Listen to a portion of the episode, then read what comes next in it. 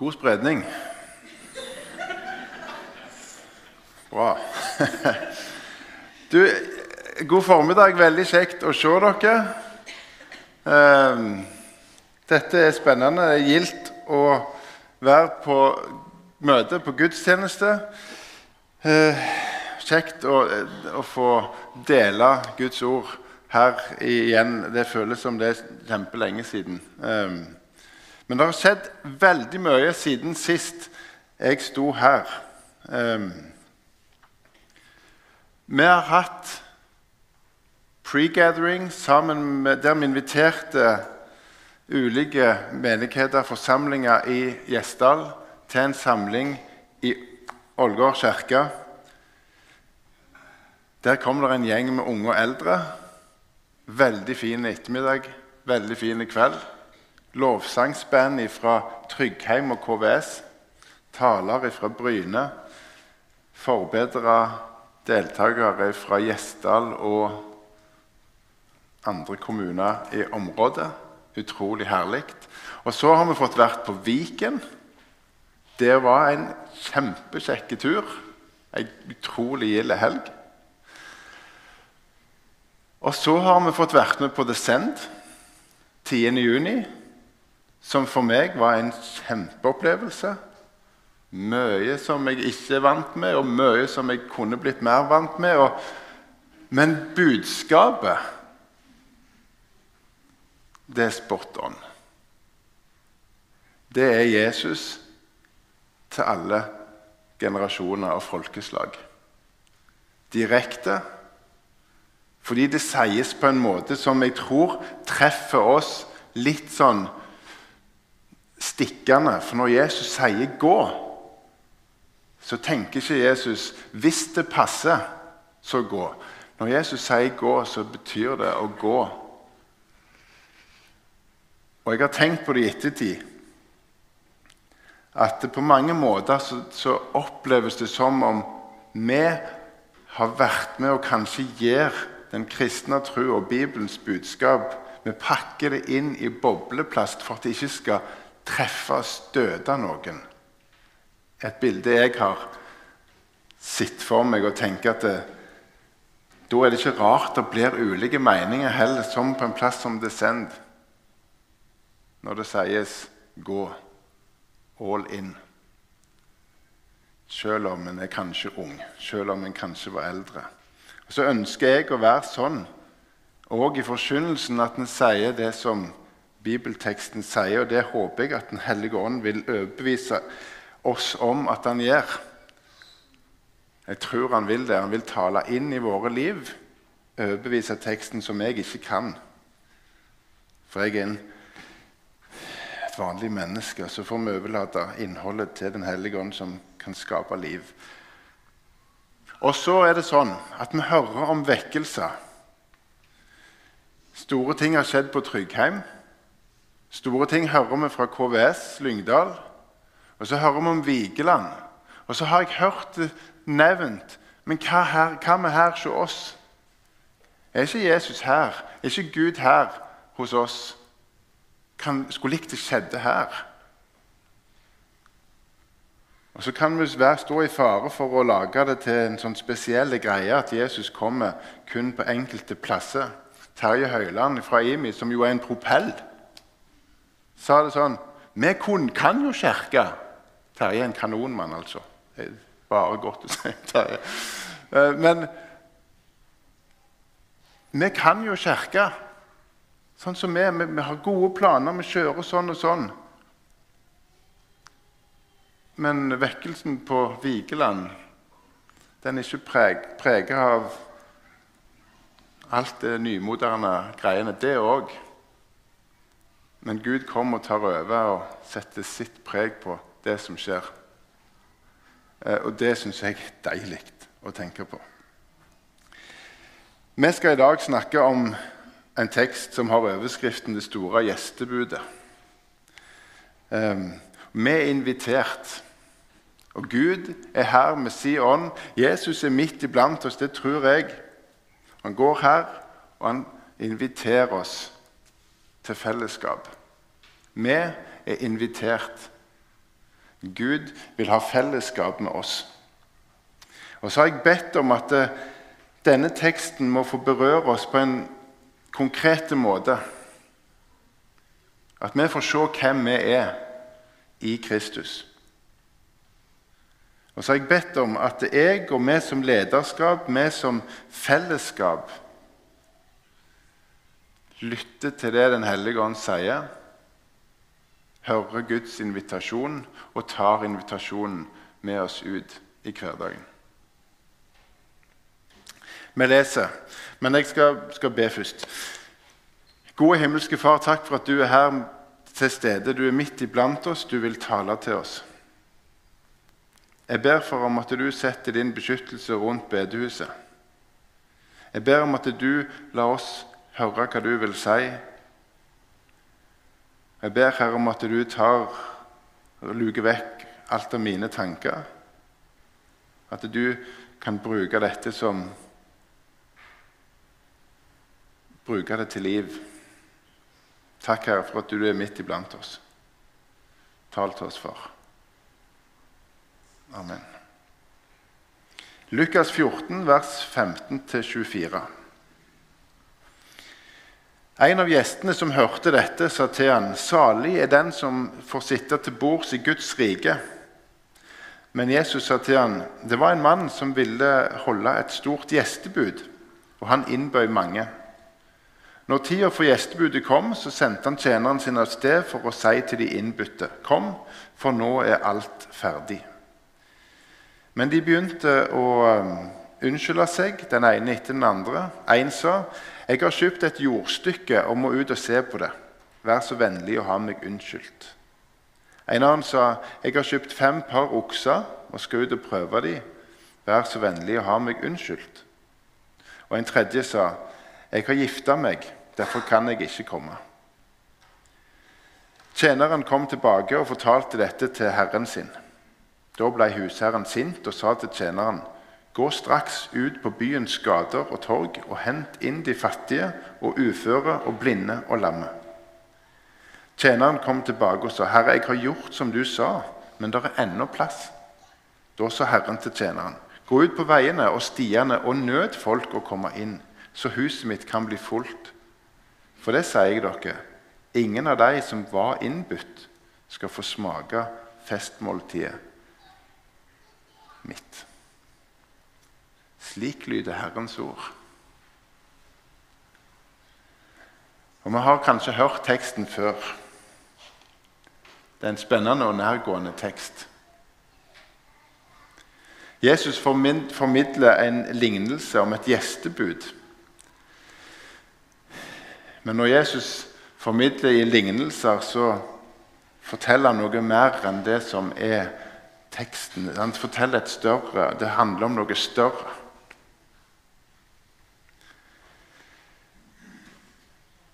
Jesus forteller om et gjestebud, en sammenkomst for inviterte, en bankett. En stor og fin samling. Og det er spesifikke gjester som er invitert til dette eh, gildet, kan vi si.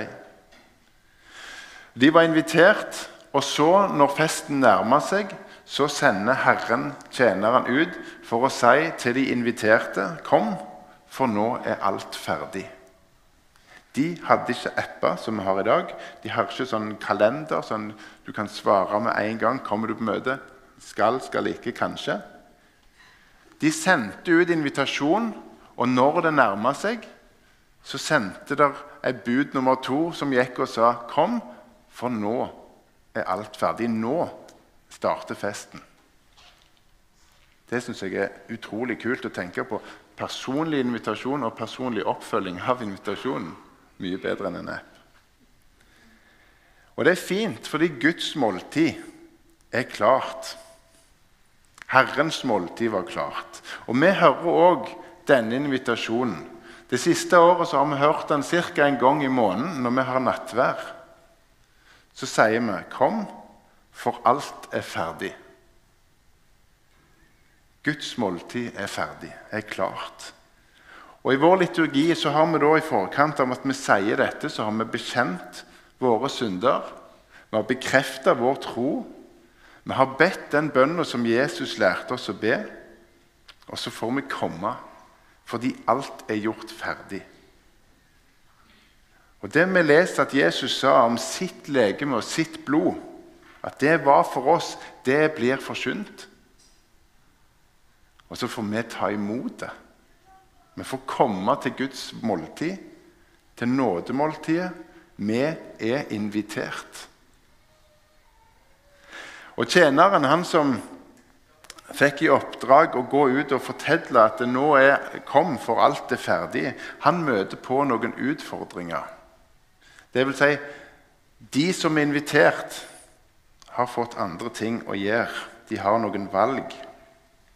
Og Det kommer ulike formuleringer på alle disse ulike innvendingene. For den ene etter den andre sto der i teksten unnskylder seg overfor tjeneren og sier at de kan ikke komme.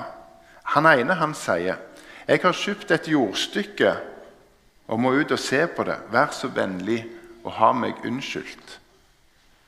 En annen sier jeg har kjøpt fem par okser og skal ut og prøve dem. Vær så vennlig og ha meg unnskyldt. En tredje sier jeg har gifta meg, derfor kan jeg ikke komme.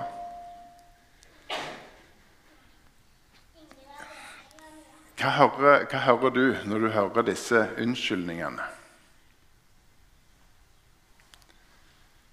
Jeg har kjøpt et jordstykke og må ut og se på det. Min, I mitt hode går veien til, til, eiendom. Fem par okser. Jeg ser for meg fem traktorer og mye arbeid. Mye arbeid. Og han som gifta seg, der er vel linken kort til familie. Eiendom, arbeid, familie. Dette er viktige saker for oss. Det er bærebjelker på en måte i samfunnet at vi har eiendom, og vi har uh, jobb, og vi har familie. Men i sammenhengen vi snakker om nå, om det store gjestebudet Hvis vi tenker at dette her handler om noe enda større enn et gjestebud her på jord, at det snakker om himmelen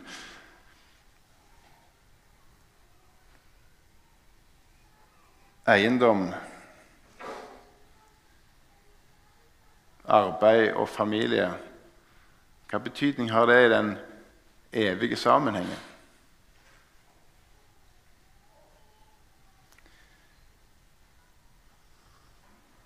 Det er ikke vanskelig å finne ulike former for unnskyldninger, bortforklaringer, i forskjellige settinger i vår tid.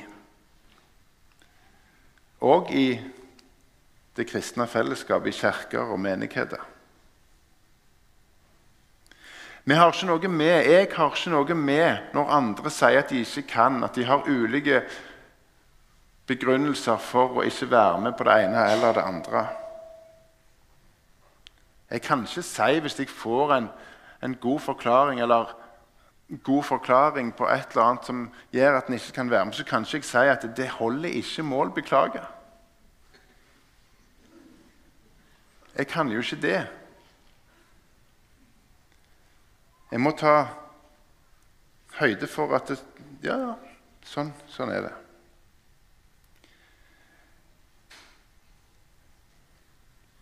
Herren som inviterer til fest, til bankett, han får høre at de ikke kan komme av ulike årsaker. Og han blir eh, sint. Fordi at eh, han har gjort i stand et lokale, en bankett, der det skal fylles med folk. Og de inviterte velger det vekk. De nedprioriterte det den invitasjonen. Gode, gode årsaker, men dog nedprioritert, valgt vekk. Og Så skjer dette da, at han sier at eh, du skal gå ut og så skal du invitere flere. Men nå skal du gå til de uføre og blinde og fattige og lamme. De skal han gå til nå. Og på korte tid, ganske korte tid så blir historien snudd litt på hodet. Gjestelista blir på en måte omgjort eller utvida. For Herren vender blikket en annen vei. Han vil møte de som kanskje ikke har et jordstykke eller en okse eller er gift. Han vil møte de som er syke, fattige, uføre og lamme. De som de rike kanskje ikke hadde så mye til overs for eller tid for. Og Nå inviteres den gjengen til gjestebudet. Tida er deres. Og hva skjer? De kommer. Men ikke i stort nok antall. Det er ennå plass. Det er ennå ledig rom i festsalen. Og Dette informerer den tro tjeneren til sin herre. Og Da kan en nesten oppleve en slags desperasjon hos Herren. Da sier han, 'Gå ut på veiene og stiene og nød folk å komme inn, så huset mitt kan bli fullt.' For meg er det litt sånn desperat. Nød folk og kom inn. Det er ikke sånn OK, halvfullt, bedre enn ingenting. Det skal fylles til taket med folk. Det er rom for flere. Det er for godt innhold. Måltid er for bra til at ikke dette her skal nytes av flere. Gjestebudet er klart, alt er ferdig. Der er rom for flere. Kom. Tjeneren blir sendt ut. Kom, kom, du må få inn flere. Og nå skal du gå enda lenger.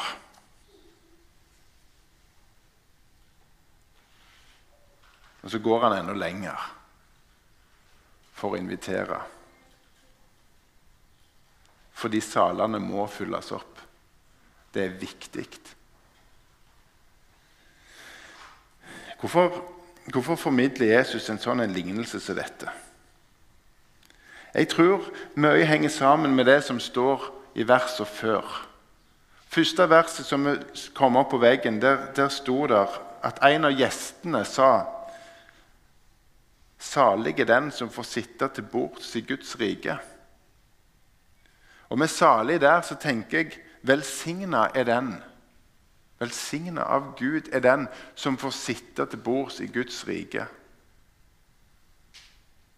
Og Han som sa dette, her, han var muligens til stede i den konteksten der Jesus var. I en fest, invitert av en fariseer som òg var medlem av rådet, en mektig mann. Og I det fellesskapet der oppstår det ganske spesielle ting. Dette skjedde på en sabbat, det, det fest, festmåltidet. Og um, en gjør ikke hva som helst på en sabbat. Det var regelen.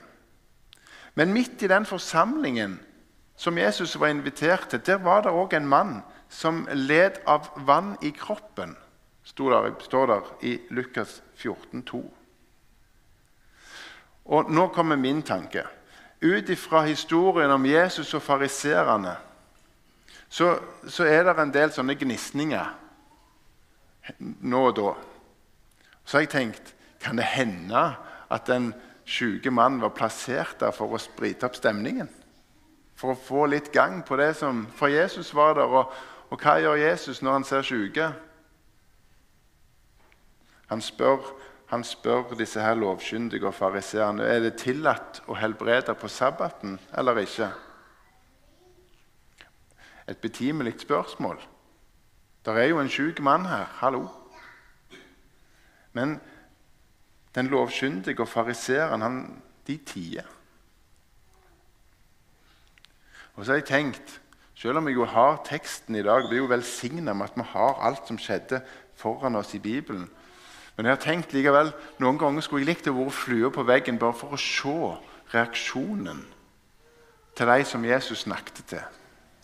i den settingen de var. Og Her ser jeg for meg at disse fariseerne og de skriftlærde og disse her fra rådet de måper i undring over det Jesus sier, men òg i fortvilelse. For tenk at han gjorde dette på en sabbat. Han helbredet. Tenk, tenk det. Og Så sier Jesus om en av dere har en sønn eller en okse som faller i brønnen, vil han ikke da straks trekke han opp, sjøl om det er sabbat?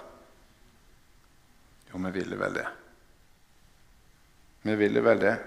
Det er jo et greit spørsmål. Hvis Philip skada seg på en søndag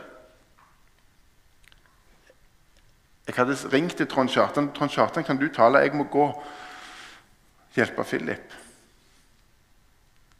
Vi slipper det vi har i hendene. Jesus gjorde det. De skriftlærde var litt annerledes. og Jeg undrer meg over akkurat det. Men i det samme gjestebudet hos fariseeren så skjer det noe med posisjonering. Jesus ser hvordan gjestene ser på seg sjøl og vurderer sin egen eh, fromhet og heder og ære. Og så plasserer de seg rundt bordet, høyest oppe nærmest, heders, nærmest eh, innbyderen. Og Så tar Jesus oppgjør med dette, og så formidler Jesus ydmykhet inn i den situasjonen. Han sier ikke 'ta plass øverst med bordet', men sett dere lavere. Da vil det vanke heder og ære. For den, om den som inviterer, kommer og sier 'Du, venn, sett deg høyere opp', da blir han æra. Ikke av de som inviterte, eller de andre inviterte, men av, av Herren. Det, det, er det viktigste. For hver den som setter seg sjøl høyt, skal settes lågt. Og den som setter seg sjøl lågt, skal settes høyt, sier Jesus.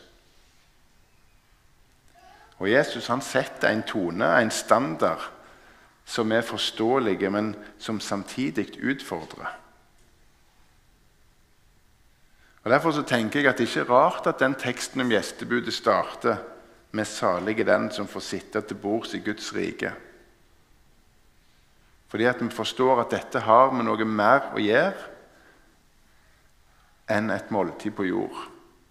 Dette har med himmelen å gjøre, med evigheten å gjøre. Og så er det sånn at vi som er her i dag samla til gudstjeneste på Ålgård bedehus. Vi som er her i Nordkirke Ålgård, vi er invitert. Men viktigere enn det, at vi er invitert hit, så er vi invitert i Guds fellesskap.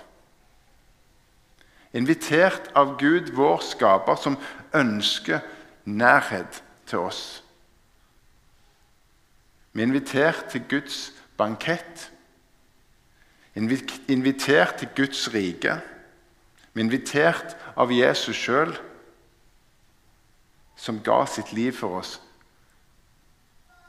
Som ofra seg sjøl. Og så får vi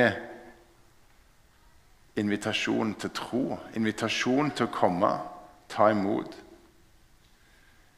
Og så er jeg sykt glad for at dere er her. Utrolig glad for at dere er her og vil tilbringe halvannen til to timer på gudstjeneste. Det er sykt bra. Det er sikkert mange plasser han skulle likt å være, men dere er her, og det er jeg glad for. Og så Samtidig som jeg er glad for det, så har jeg lyst til å stille meg sjøl og dere et spørsmål i dag som dere skal få lov å reflektere litt over. Og Jeg håper dere tar dette på en god måte. Spørsmålet er Hvorfor er du her? Hvorfor er du her?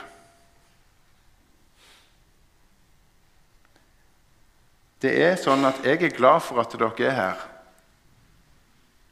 Jeg er glad for å være her.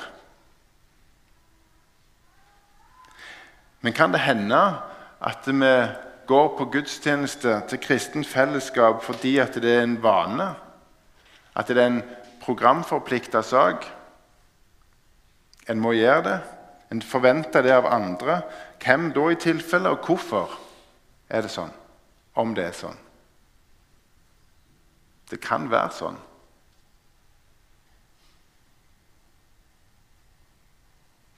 Hvorfor er vi her?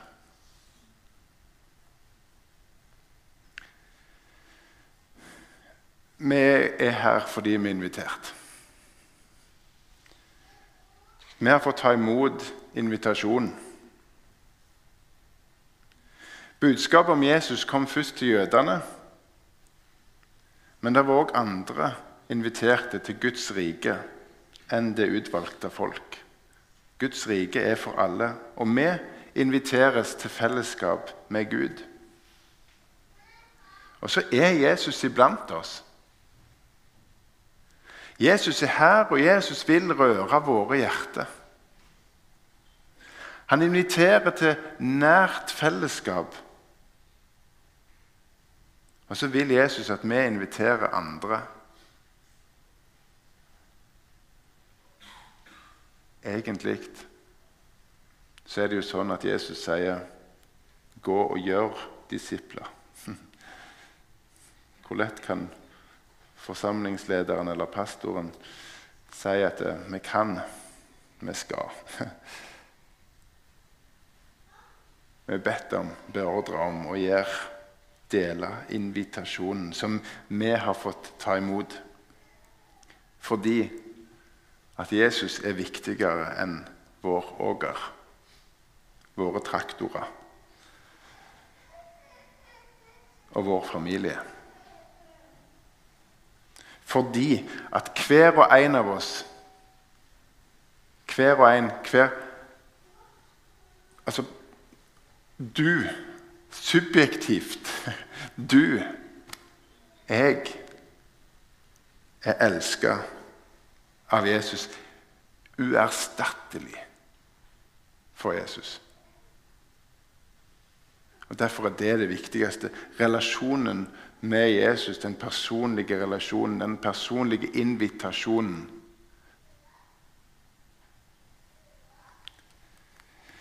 De som var fattige og uføre, blinde og lamme i teksten som vi hørte om, det var de som var utestengt fra full deltakelse i den jødiske gudstjenesten.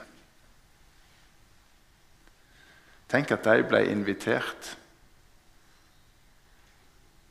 Det var nok ikke forventa. Og så tenker jeg hvem skal vi invitere som ikke passer inn hos oss?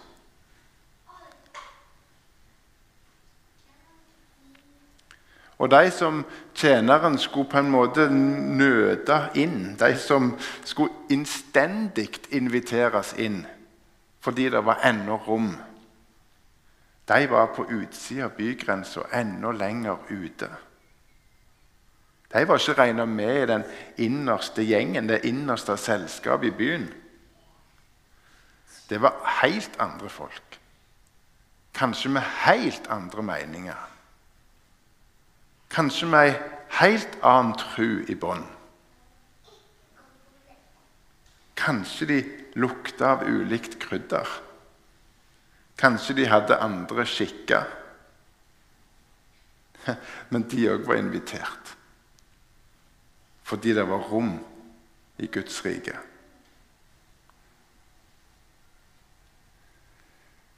Budskapet om at alt var ferdig, det var for de òg. Det var for oss, og det var for deg. Og tjeneren gikk på mesterens ordre, og folk kom. Men ikke de som først var invitert. De som hadde så mange gode unnskyldninger. Og så sto der ingen av de som var innbudt, skal få smake festmåltidet mitt, sier Jesus til slutt i lignelsen. Og det tenker jeg hadde vært gøy å hoppe over og si noe om. For hvem er vel med til å si at noen ikke skal få komme inn? Og det er jo sant. Men historien, men lignelsen til Jesus er tydelige. Ikke alle kommer inn. Vi velger vekk. En god lærer fra Fjellhaug, Sverre Bø, sa det sånn om denne lignelsen og avslutningen. Lignelsens hovedpoeng er at de altfor naturlige og menneskelige unnskyldningene drar med seg de voldsomste konsekvenser. Den som ikke finner tid og rom for Guds rike her i tida, skal i evigheten befinne seg utfor. Den som ikke finner tid og rom for Guds rike her i tida, skal i evighet befinne seg utenfor.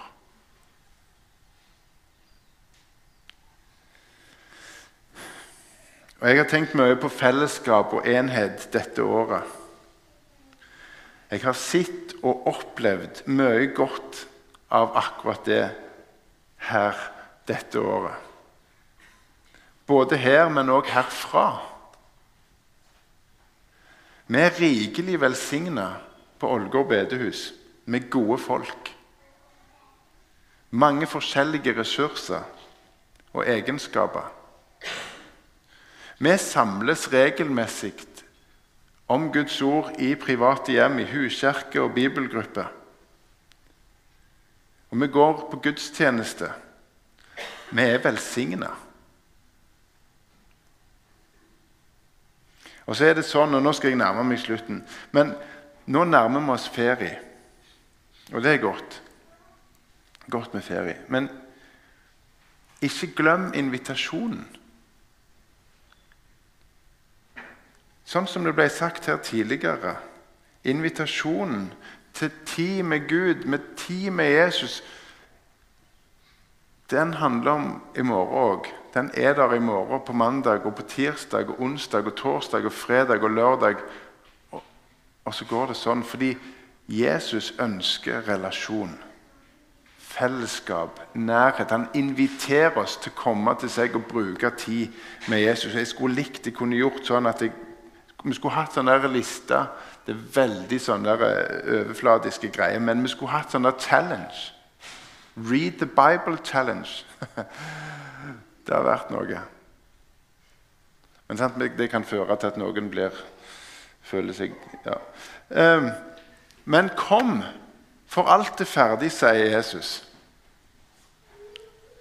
Og Det betyr at han vil vi skal komme til han og søke Guds rike først og bruke tid med Jesus, og vi bruker tid med Jesus i Bibelen. Vi har fått ta imot Guds nåde.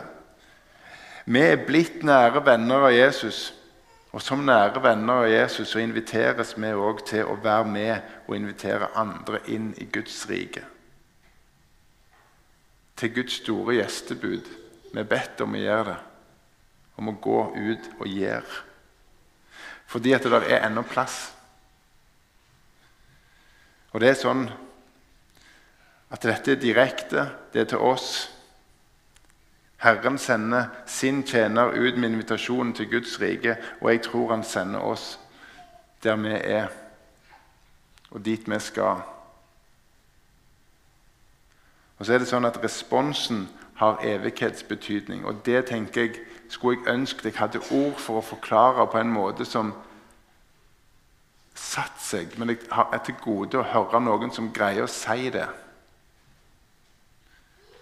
Det vi har fått motta av Jesus, at vi, vi var verdt å dø for. Og så har vi fått Guds gave, vi har fått Den hellige ånd. Vi er fri. Det har evighetsbetydning. og Jeg skulle likt at vi greide å se det, og at det ble det som forma vår hverdag. Takk, Gud, for en ny dag. Tenk om det var det første vi sa. Så snur vi oss ut av senga den eller den veien, og så Hva Gud vil du jeg skal gjøre i dag? For jeg er takknemlig for din nåde, og jeg kan ikke holde den for meg sjøl. Flere må høre invitasjonen fordi det er plass i himmelen til flere. Oi, store ting. Gode himmelske Far. Takk for at du inviterte meg til ditt, din bankett.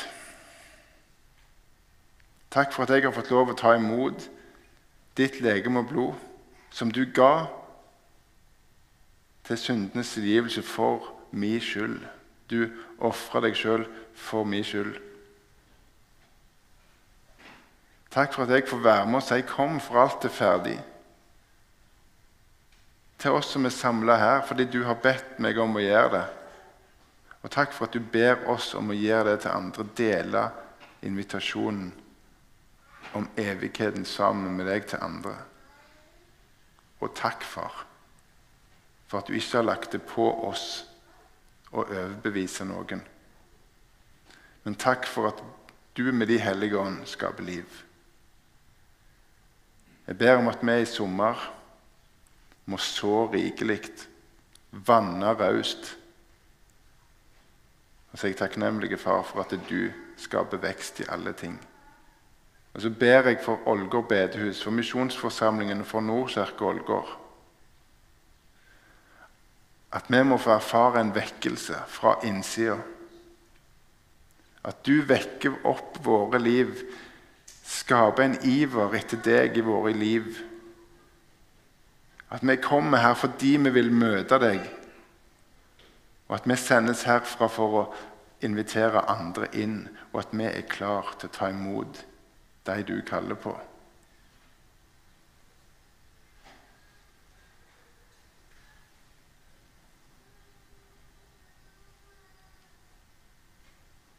Herre, led oss, du. Amen.